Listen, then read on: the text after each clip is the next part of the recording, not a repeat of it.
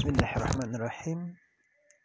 Baik, eh, pengantar dari saya, sedikit pengantar untuk membuka eh, episode demi episode nantinya mengenai hijrah.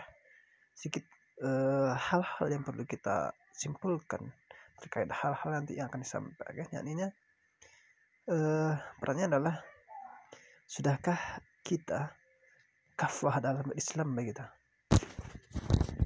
Bila ditanya demikian, saya yakin sebagian besar dari kita pasti tidak yakin begitu. Apakah kita sudah kafah dalam menjalankan syariat agama kita? Batasan kafah itu sendiri pun kita masih gamang begitu.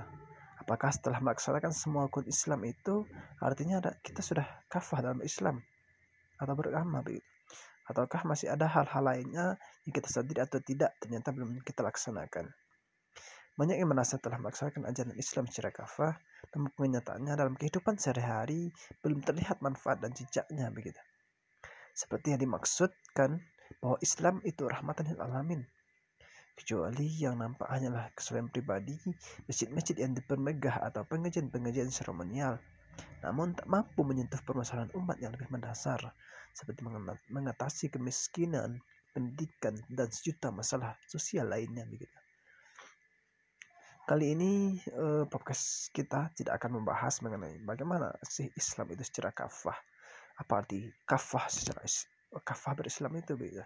Namun kita hanya sekedar mengetengahkan renungan-renungan terhadap hal-hal kecil yang sering kita alami dalam kehidupan kita.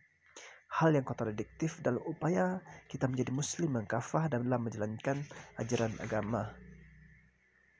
Kontradiktif dalam arti berlawanan antara nikmat kontradiktif maaf.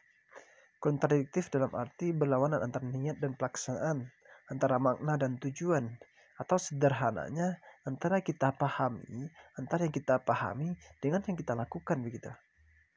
Kontradiksi ya inilah yang menjadikannya sebagai inspirasi sekaligus introspeksi kita dalam keberagaman dan kehidupan. Misalnya bagaimana kita memandang babi hewan yang paling diharamkan dalam Islam dan tak pernah terfikir di benak kita untuk mendekatinya. Ternyata dari hal itu kita dapat belajar sesuatu darinya yang justru sangat penting bagi keimanan kita. Atau bagaimana kita yang mengaku bertuhan namun ternyata lebih dari seorang ateis.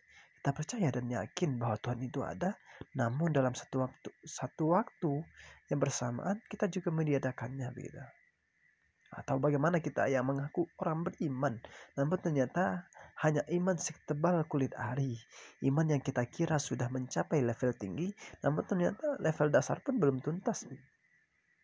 Dan banyak kontradiksi-kontradiksi lain yang niscaya membuat kita terhenyak, merasa tersentil, malu, atau bahkan mungkin marah kepada diri kita sendiri. Terlebih setelah kita menyadari begitu lama kita terlena dengan diri sendiri. Khairul kalam, semoga podcast ini mampu membuka kembali terangnya hati yang pernah berkabut, jernihnya pikiran yang pernah keruh, maupun putihnya jiwa yang pernah abu-abu. Wallahu alam.